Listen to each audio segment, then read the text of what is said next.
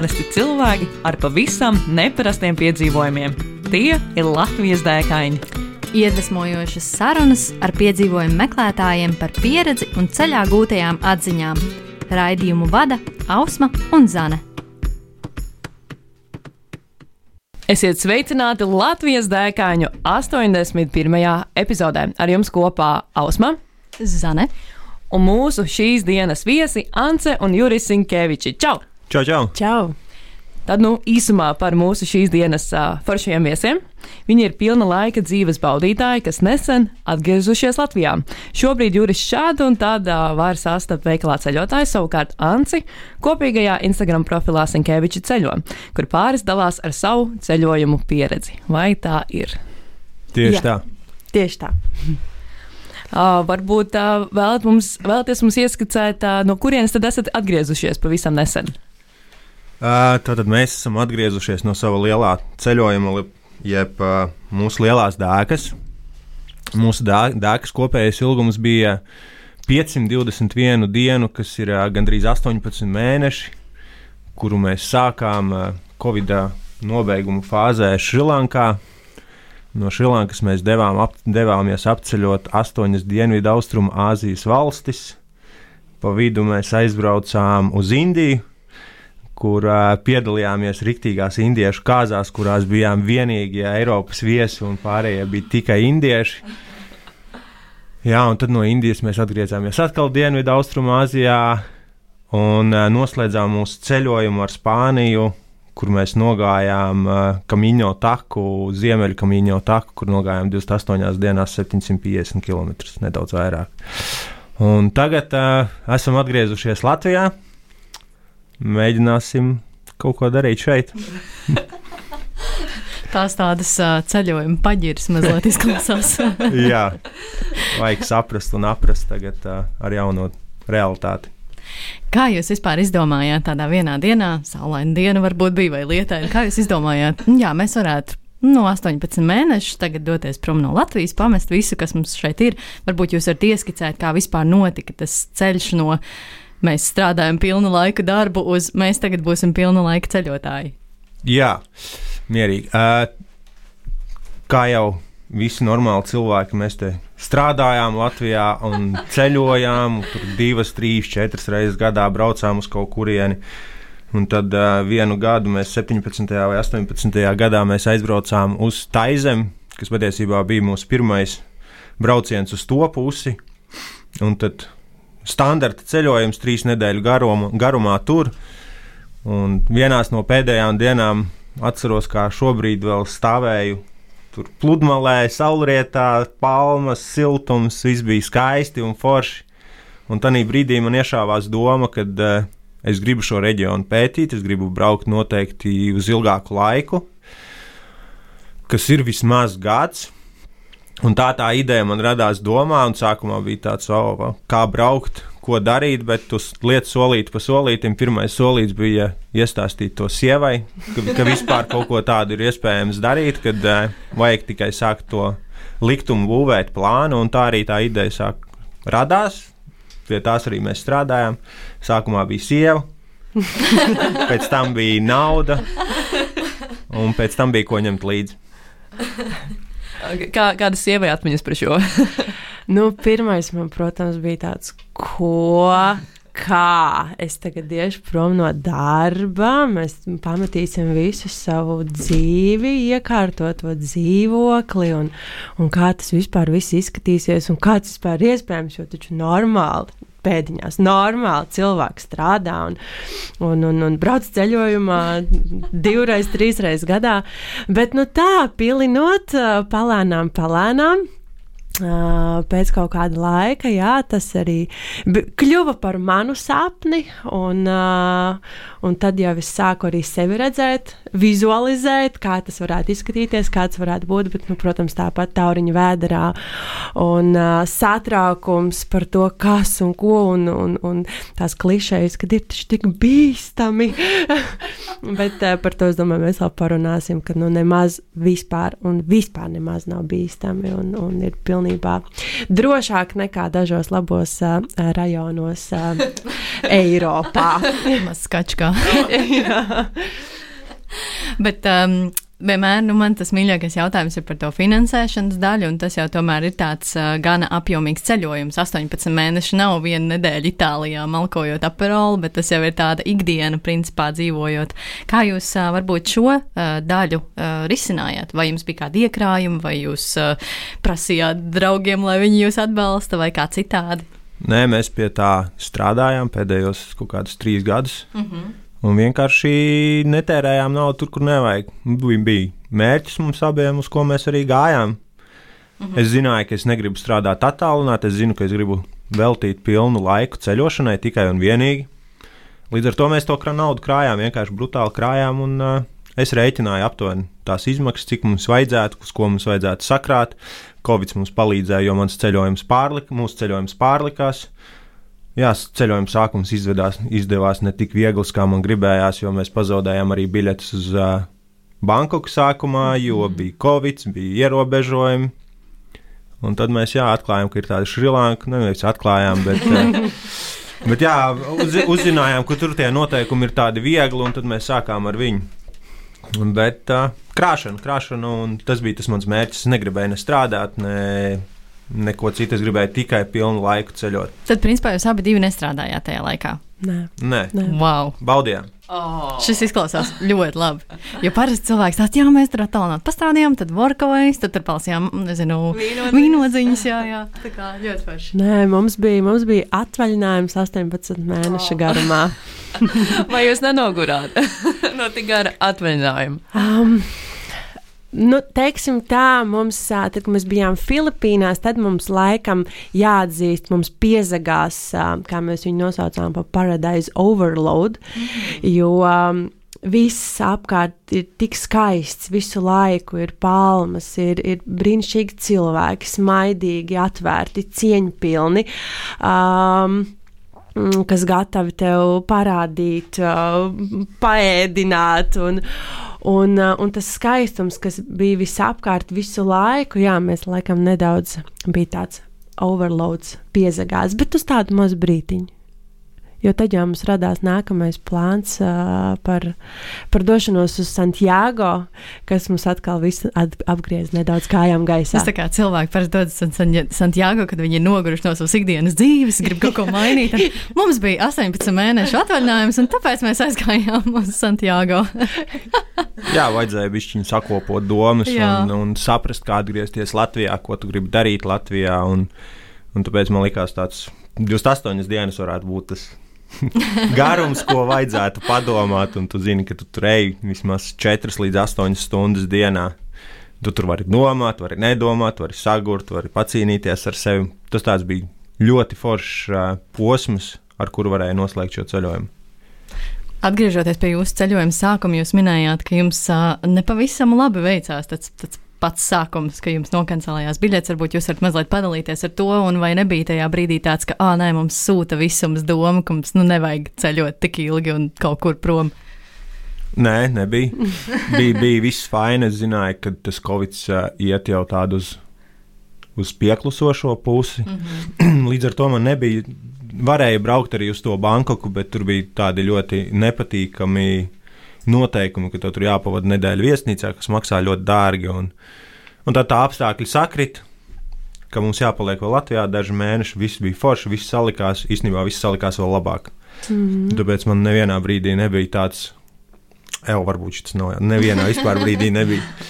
Bija tā, jā, kad uh, katrs mēnesis, ko mēs ilgāk šeit pavadījām, mēs varējām pavadīt ilgāk tur, jo mēs plā... sākotnēji plānojām uz gadu doties projām. Tas sanāca višķiņu vairāk. Uh, tu minēji, ka uh, tas notika Filipīnās, kad uh, šī, šī doma dzima, ka varētu. Tā atgrie- izemē. Kur? Tā izemē. Ah, piedod, tā, piedod, jā, tā izemē. Un um, tu, tu minēji, ka gribētos pētīt vairāk, vai izdevās šī pētīšanas daļa, un, un kā jūs to darījāt? Nu, jā, riktīgi, man liekas, eh, riktīgi mēs eh, varējām saprast to vietējo kultūru. Mm -hmm. Jo liekas, ka nu, tā pati Laosa, Vietnama un Kambodža ir eh, tāpat kā trīs Baltijas valsts, viena otrai blakus, bet, ja paskatās uz tām valstīm un papēta viņas un pabraukā, tad saproti, ka tās ir pilnīgi trīs dažādas kultūras ar saviem mēdieniem, ar savām tradīcijām, ar saviem cilvēkiem. Un tu, tu, tu jau vari saprast, eh, kas ir tā valsts. Un, un kolosāli. Cilvēki ir viskolosālākie Āzijā. Tas, mm. no, tas ir noteikti. Tik izpalīdzīgi, tik, tik forši un tik, tik droši, man liekas, 99% gadījumos tu jūties tajā Āzijā. Kad griežoties Latvijā, patiesībā bija tāds, oh, oh, kur mans, kur mans maks.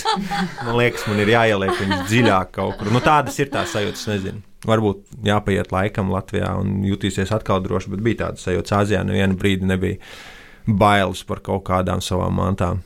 Vai varbūt bija kāds īpašs gadījums ar šiem cilvēkiem, ko jūs minējāt, kas varbūt lika vēl vairāk noticēt tai Āzijas ļoti labsirdīgai un pretīmnākošai sajūtai?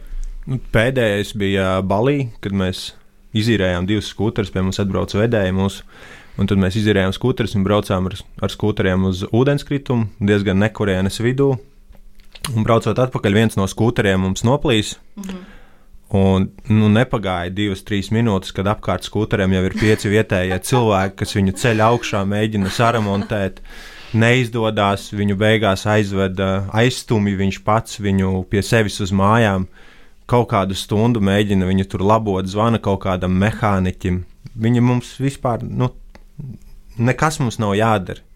Beigās mēs sazvanījām to nomas kantori no kā mēs īrējām. Viņi sarunāja savā starpā, ka viņi mūs aizvedīs, viņš samaksās naudu. Nu, tāda ir tā attieksme viņiem. Es nezinu, vai tas ir pret turistiem, mm -hmm. bet man liekas, viņiem arī tāda ir cieņpilnāka attieksme vienam pret otru. Un, un tas ir tas, man liekas, tāds, wow, ka šito varētu pamācīties. Vienmēr viņi ir smaidīgi, vienalga, kādā viņš vai nu viņš zaru būdā dzīvo, vai, vai divstāvīgā lielā mājā. Viņi vienmēr ir smaidīgi, atvērti un, un laipni ļoti viens pret otru arī. Mm -hmm, mm -hmm.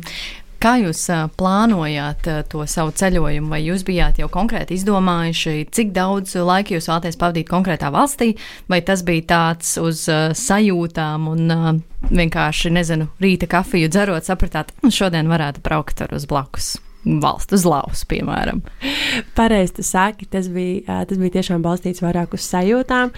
Mēs zinājām, tikai Šrilanku. Mēs mhm. bijām papēdī, papētījuši nedaudz vairāk, nedaudz bijām papētījuši Šrilanku pirms došanās uz, uz turieni.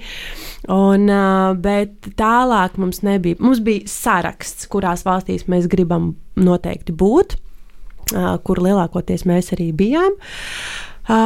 Izbraukājām Bet tā plānošana tādos lielos vilcienos, kā mēs pārbraucam no valsts uz valsti, par to bija atbildīgs Jurijs, kas sekoja līdzi avio cenām vai, nu, respektīvi, kā lētāk uh, pārbraukt, uh, bet par tādu ikdienas plānošanu, par tādām fun lietām uh, biju atbildīga es. Uh, ko, ko mēs darīsim, kurā pilsētā un kāds izskatīsies tas maršruts ap to ap valsti, vai mēs brauksim aplī vai zigzagā, vai balstoties uz tādiem uh, nu, main turisma arī uh, spotiem, jo, ja jau mēs esam pirmo reizi tajā valstī, tad mums gribas arī redzēt uh, tās lietas, kas ir jāredz, plus tad mēs viņus tur papildinam ar. Um, ar nekurienes izpēti un uh, vienkārši sēžot motociklam, uh, skūterītam mugurā un braucot, kur, kur acis rāda. Kā varbūt ar mantām bija? Cik daudz jūs ņēmāt līdzi mantas, vai jums bija mugursoma, vai jūs arī tomēr ar kādu koferīti ar vairāk mantām braucāt? Mēs bijām ļoti pieticīgi, kas bija kas sākotnēji likās ne, grūti un neiespējami, jo tad, kad man atnāca mana ceļojuma soma, uh, es domāju, kā lai es tagad to visu salieku tajā somā, tajos septiņos kilogramos. Jums bija tikai rokas bagāža, tikai rokas bagāža. Um, man bija mana mugursoma uz nu, 7 kg pārtap uz 10, mm. uh, bet mēs lidostās izlikāmies, ka tās somas mums ir tik vieglas. Un uh, Jurim bija 11. Jā, Jurim bija 11 km, kilogrami uz, uz muguras, un, un priekšā mums bija elektronikas soma uz kaut kādiem 4 kg. Bet jā, nu, tas bija tā nedaudz izaicinoši, jo es nezinu, kāpēc es iedomājos, ka man vajag piecus peltu kostīmus līdzi. Bet neskatoties uz to, ka man bija līdzi pieci peltu kostīmi, man bija līdzi arī dūna jaka un, un lietus goroteksi, un, un mums bija pat termoveļa līdzi. Un, un kaut kā tas viss salikās un ejam ejot uh, laikam, mēs sapratām, ka ir, ir mantas un ir apģērba, ko mēs pat neesam uzvilkuši mugurā. Un tā atziņa, ka bācis cilvēkam nemaz nevajag tik daudz. Cik, cik mums ir visapkārt, pietiek ar vienu mazu tašiņu, ar, ar basic lietām iekšā. Un, tā tāda jā, atziņa, viena no. Mm -hmm. Jūs varbūt mums varat ieskicēt vairāk, jūs minējāt, ka jūs iekļuvāt kāzās, kur jūs bijāt vienīgie no Eiropas. Varbūt pastāstiet vairāk par šo. Um, pie mums bija ciemos atbraukuši draugi uh, uz Indiju. Mēs svinējām, uh, sagaidījām jauno gadu Indijā. Un tad kaut kā neviļus uh, Mumbajā, uh, hostelī, uh, mūsu draugi stāvot ārā un uh, baudot naktsnīgo Indiju. Kaut kā neviļus satikās ar abišeku, uh, līgavaini kas bija atbraucis uz Mumbaju, saprotu, laikam, vecpuļu balītē nosacītā. Pabalēties. Pabalēties, jā, pēdējā balītē. Un, uh, un tad draugi minēja par to, ka, oh, tik super, viņiem tur iesākās saruna par to, ka kāzas, un, un, un man draudzene teica, ka, jā, mēs tik ļoti gribētu būt uh, indiešu kāzās. Un viņš tāds - labi. No Jā, brauciet. Nu, un tā mēs pēc divām vai trim nedēļām četratā nokļuvām Abišeka un Divijas kāzās kur mēs bijām, jā, tā tad vienīgie. Kāzas nebija lielas, bija apmēram kaut kādas simt, bišķiņ pāri simts cilvēkiem, bet viņiem bija četri fotografi un, un video operators, un, un tās kādas vispār nebija tādas, kādas mēs esam šeit Latvijā raduši, uh, jo paralēli dažādām ceremonijām, jo tas kāds notiek divu dienu garumā, ar dažādām ceremonijām, haldī ceremoniju, un, un gradzenu mīšanu, un pašām kāzām, un vēl tur apdziedāšanām, un, un viss notiek vienlaicīgi. Tāpat kā ir uz Indijas ielām ļoti liels haoss.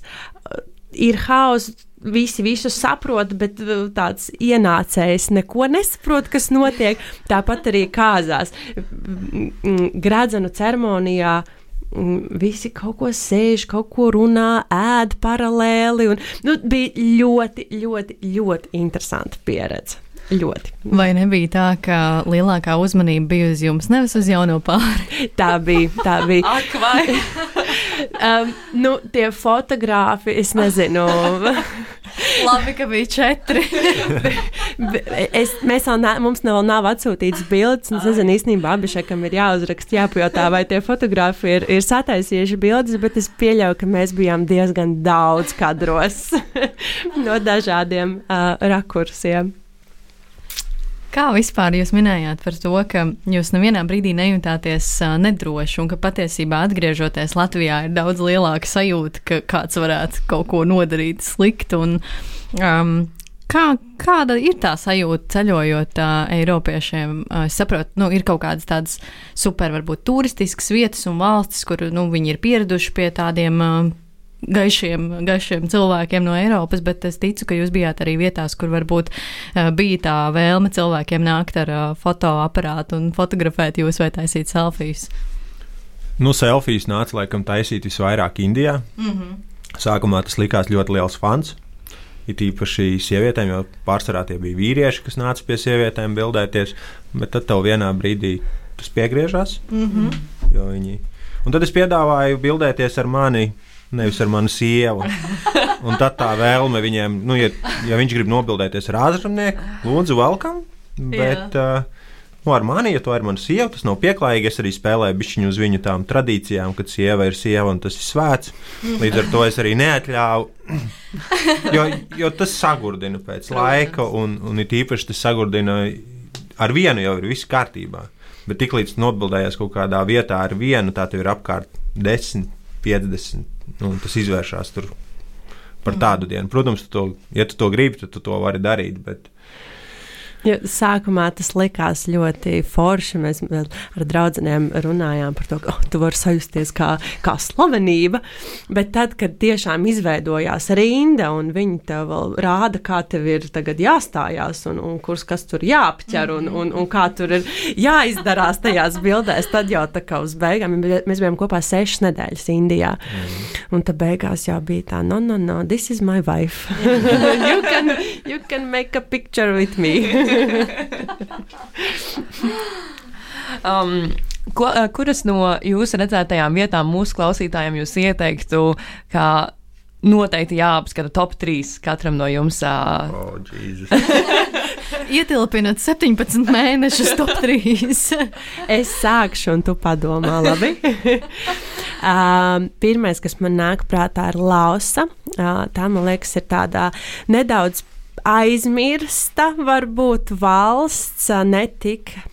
Netik uh, turistīga, bet Laos ir brīnišķīga. Tur ir tik daudz neskartas dabas un uh, simply beautiful. Tā mēs, tā mēs esam priekš sevis nodēvējuši Laosu. Mhm. Un no Lausas, ko es gribētu ļoti izcelt, ir Bolīvijas plato, kas ir netālu no Paksas pilsētas. Uh, Um, tas tāds moto lūps, ko mēs izbraucām divās dienās ar vienu nakšņošanu, bet uh, tie skati un ūdenskritumi tas ir viens, bet tur bija tāds brīnišķīgs uh, ciematiņš pie kapteiņa Huka.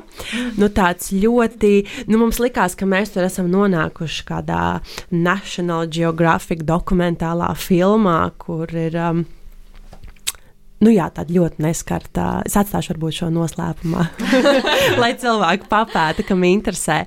Tāda, kas man vēl nāk prātā, ir Filipīnas un, un Filipīnu zemūdens pasaule, jo mēs šī visa ceļojuma griezumā paguvām arī apgūt divinga, open water diving certifikāts mums ir, un mēs atklājām brīnišķīgo zemūdens pasauli, un Filipīnas ir viens no top vietām vietām, kur braukt un ar brīnišķīgiem koraļiem un, un brīnišķīgiem dzīvnieku, zemūdens dzīvnieku pasauli. Un, un trešais no manis pieredze, par pieredzi. Tieši par manu pieredzi es biju Taizemē Vipasānas desmit dienu meditācijas kursās. Tas bija tāds mind changing nedaudz un arī kolosāla pieredze.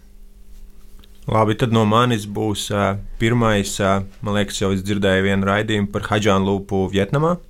Tas ir Vietnamas ziemeļos moto izbrauciens pa kalniem, pa fantastiskiem skatiem.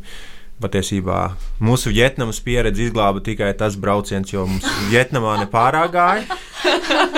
Bet tas bija kolosāls. Par cik es esmu pēc horoskopa zivs man anormāli patīk jūras pasaule un niršana un snorkelēšana un vispārējais. Man ļoti patika Gilijas sala, kas ir netālu no Balī. Mm -hmm. Viņa ir diezgan turistīga, diezgan, diezgan pārtīva pilsēta un sala, bet, bet tik un tā tur dienas laikā, ja tu neej balēties, tur ir fantastisks pludmales un tur, tur satikt, es nezinu, desmit bruņurupučus vismaz vienās, vienā stundas laikā, un, mm -hmm. un es rīktīgi baudīju to salu, tas man tik ļoti patika. Un, Trešo, jā, es minēšu arī, man, man ļoti patika Malēzijā, Tielmana sala laikam, kur arī es vienkārši varu baudīt, aizejot no savas mājas, 5 minūšu gājienā es esmu pludmalē, kur es uzlieku savu masku, uzlieku savu trūciņu un vienkārši stundām varu tur baudīt un snorkelēt un redzēt ļoti daudz ko, visu, visas karaļa krāsas, miljoniem zivju. Nu, mm. Tā kā fantastiski. Man ļoti patika jūras pasaule. Tas, man liekas, būs tas numurs viens, kas man ļoti, ļoti pietrūkst. Tas siltais ūdens, tā vislielākā un vis tālākā pārredzamība. Un, Jā, jūras pasaule tur ir unikāla. Diemžēl viņa mainās uz slikto pusi, kā jau viss. Šīs pozitīvās nots. nu, jūras pasaulē, jā, ir vajag sačakarēt. To jau arī varēja redzēt mm -hmm. no pēdējās reizes, kad mēs bijām 17. gadā nedaudz. Bet ir, ir vietas, kas ir vēl joprojām unikālas un foršas un skaistas ļoti. Mm -hmm. uh, jūs pieskārāties tajā Vietnamai. Kas, kas tad tajā Vietnamā jums tur nesanāca un nesagāja? Ai, Vietnama. e, nu, jā, man tur ar iebraukšanu bija problēmas nedaudz. Man tur vīzā nesakrita daži dati, tad man bija bišķiņi stresaini tikt iekšā. Mm -hmm. Bet tiku iekšā pateicoties labiem apstākļiem un viss kārtībā. Bet kaut kā mums negāja. Kaut kā mēs runājam par foršiem cilvēkiem Āzijā, bet, bet Vietnamā es nezinu, vai dēļ tā komunisma, kas viņiem tur ir bijis, un vēl kaut kas. Bet tie cilvēki nelikās tik, tik laipni un tik vēlami, un dažreiz liekas, ka tu esi nevis vēlams, bet tu esi pat nevēlams, un viņi pat negrib tevi tur mm. satikt un redzēt. Un, Man liekas, ka grib vairāk tevi tur apčakarēt kaut kādās mm. vietās, Bet varbūt tas arī tāpēc, ka Vietnama ir uh, mazliet turistiskāka teiksim, nekā Laosa. Tāpat jūsu minētā, varbūt viņiem ir tāds, nu, ka, ok, mēs redzam, naudas maisis ir nāk pie mums. Mēs... Bet, bet salīdzinot ar Taizemi, arī likās Jā. Taizemi pilnīgi savādāk cilvēki nekā Vietnamā. Mm -hmm. Bet es zinu, ka uh, daudziem Vietnamas pieredze, ko mēs satikām, tur cilvēki atgriežas 4. un 5. reizi un saka, ka Vietnama ir uh, vislabākā valsts nevar jau nepiekrist. Tā bija mūsu pieredze. Mēs tur bijām tikai četras nedēļas, un tā bija mūsu pieredze. Mums gāja diezgan grūti, mums vajadzēja diezgan ātri iet uz priekšu. Ar autobusiem gāja, kā gāja, jo guļošie autobusi ir paredzēti metram 70, nevis metram 90. Un mūsu viesi šodien ir nu, ne, nav no īsākajiem latviešiem, ieskicējot klausītājiem. Bet ko, es, pilnīgi piekrītu ka daudziem, ka Vietnama ir fantastiska, fantastiska valsts. Vienkārši mums negāja. Bet mēs dosim viņai noteikti otro iespēju kādreiz. Mm. Ziemeļi tur ir kolosāli. Mm. Uh, kas būtu uh, ieteikums, ko jūs mūsu klausītājiem ieteiktu ņemt vērā pirms viņi, ja nu arī viņi nolem doties tādā uh, dzīves mainošā ilgtermiņā ceļojumā, ko ņemt vērā? Vai... Plānot soli pa solim, un, uh, un tev paliek tas tavs gala mērķis tavā prātā.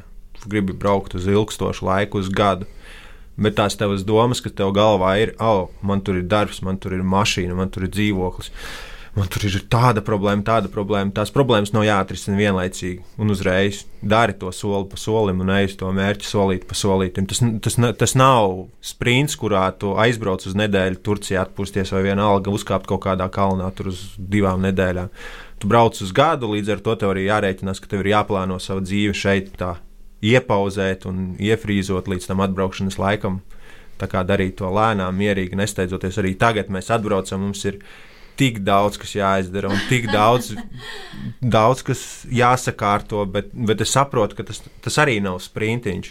Mums vajag dot sev laiku, mēnesi, divus, trīs, kamēr mēs atgriezīsimies rutīnā.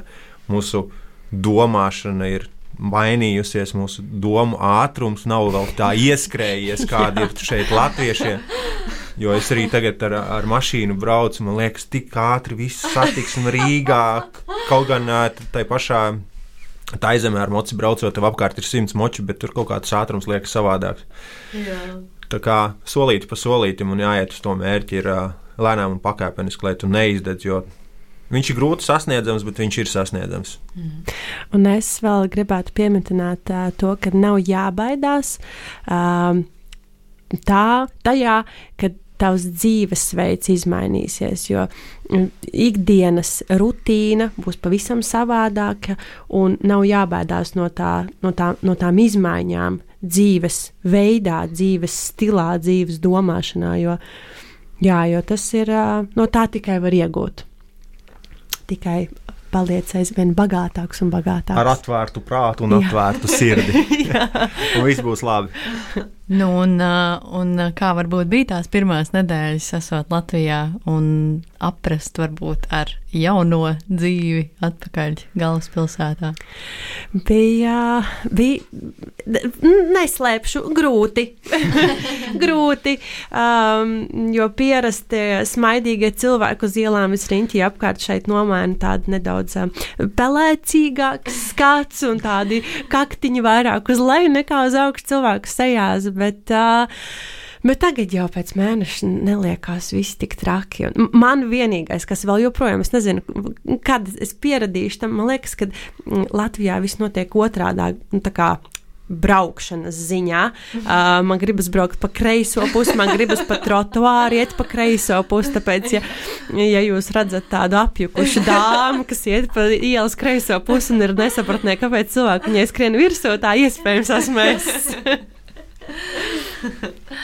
Uh, nu tad, nu, pieskaroties Latvijas tēmai un būšanai apakaļ Rīgā, manuprāt, ir uh, īstais mirklis, kad mums jautā to otro jautājumu, kas ir. Kas ir tā dēka, ko jūs ieteiktu mūsu klausītājiem īstenot tepat Latvijā? Labi, no manas puses būs viena dēka, ko, kura man bija arī siltajās zemēs atmiņā. Ļoti man patika vienu gadu iet ļoti dziļos sniegos, kad Latvijā ir kaut kāda sniega vētras, meklējiet tās sniega vētras, ņemiet telts un ejiet uz mežu. Ir mežs, ir fantastisks, dziļš sniegs līdz ceļiem, uzbūvējiet telti. Tā ir, man liekas, tāda jauna un, un savādāka pieredze, ko tu vari gūt šeit Latvijā četru, četros mēnešos. Mm -hmm. Tas ir viens no tādiem, wow! Bija ļoti, ļoti skaisti. Mēs vēl pie gājas palikām klints augšā. Un, to maršrutu var, ja, ja ir bail nosart to, nosalt, tad to maršrutu var neveidot tik, tik garu, lai tu vari vairāk tur paņemt kaut ko līdzi pirmajā reizē. Bet tas, man liekas, ir ziema, ir fantastisks mēnesis, kad uh, palikt ar telti ir kolosāli. Un es vēl piemetinātu um, izveikt no uh, ziemošanas, no, no kempingošanas ziemas sniegos. Uh, Mēs vienu gadu mums bija tāds, nu, liekas, tas bija Covid gads, iespējams, vēl, vēl, vēl iepriekšējais, pirms mēs devāmies ceļā. Mēs um, nolēmām palikt pa nakti uh, kat, kā, reizi mēnesī. Palikt pa nakti teltī. Um, un redzēt, kā tā daba mainās. No, mm. Ir brīnišķīgi iespēja redzēt, kā no dziļiem sniegiem tas viss mm, daba mostās, skaistā pavasarī, dubļi, uh, mazie, mazie pumpuriņi, uh, koku, koku zariņos, un, un tad jau vasaras svelme, un atkal, un atkal rudens ir klāt ar lapām, un atkal dubļiem un lieta. Bet, uh, Bet būt klāt tai dabas mainībai, tas tāds varētu būt brīnišķīgs izaicinājums. Jā, reizi mēnesī kaut kur palikt. Iespējams, tajā pašā vietā pat varbūt varētu redzēt. Es tieši gribēju jautāt, vai jūs palikāt ka, katru reizi citā vietā vai tajā pašā? Uh, citā. Aha. citā mm -hmm. Mēs taisījām vairāk kā pārgājienus, mm -hmm. bet mums bija mērķis vienreiz mēnesī, katru mēnesi iziet vienu pārgājienu ar nakšņošanu. Mm -hmm. Man liekas, vasarā pat mums nesenāca nekur, un tad mēs pie draugiem aizbraucām ciemos un palikām teltī viņu pagalmā. Bet arī tā, nu, tā kā... arī tā var darīt to čauju. Nav, nav nekāda ierobežojuma. Tas sekot tam mērķim, vai ne? Lūk. Wow, nu super, milzīgs jums paldies, ka atnācāt un padalījāties tik nesenā. Un vēl var redzēt, ka jums vēl tiešām ir tā enerģija, ko jūs esat savākuši šo mēnešu garumā. Uh, ceru, ka jums izdosies arī vēl kādi citi ceļojumi nākotnē. Uh, pirms sākām šo sarunu, jūs minējāt, ka jums tagad ir pat grūti iedomāties, kā ir plānot tik īsu pēdiņās ceļojumu. Oh, tikai trīs nedēļas, kā nu tas būs? tas gan, jā. Tas gan. Jā, nu katrā ziņā, ja jūs strādājat kādā ceļojuma aģentūrā, jūs man nopārdot šo ceļojumu, un es iespējams aizbrauktu uz 17 mēnešiem kaut kur, pamatot visu. Un, uh, jā, tiešām paldies jums, un, uh, un uh, lai izdodas iejusties uh, Latvijas dzīvē. Labi, paldies, paldies, paldies. ka uzaicinājāt. Paldies. Paldies, klausītāji, ka esi ar mums. Uh, ja tev patīk saturs, kuru mēs radām, novērtēsim. Jā, uzsauksim uz kādu krūzīti kafijas mūsu baimie kafija lapā, baimiekafija.com slīpsīta Latvijas dēkaini. Un mēs ar jums tiekamies jau pēc divām nedēļām. Čau, čau! čau. Ko tu parasti dari, kad dodies pārgājienā un tev reāli apnīk? Nu, es laikam sāku dungot. Paču, paču, paču, paču, paču, paču, paču, paču, paču,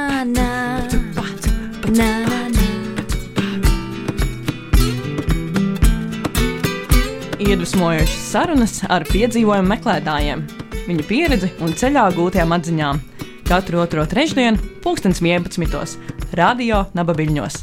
Raidījumu vada Ausma un Zana.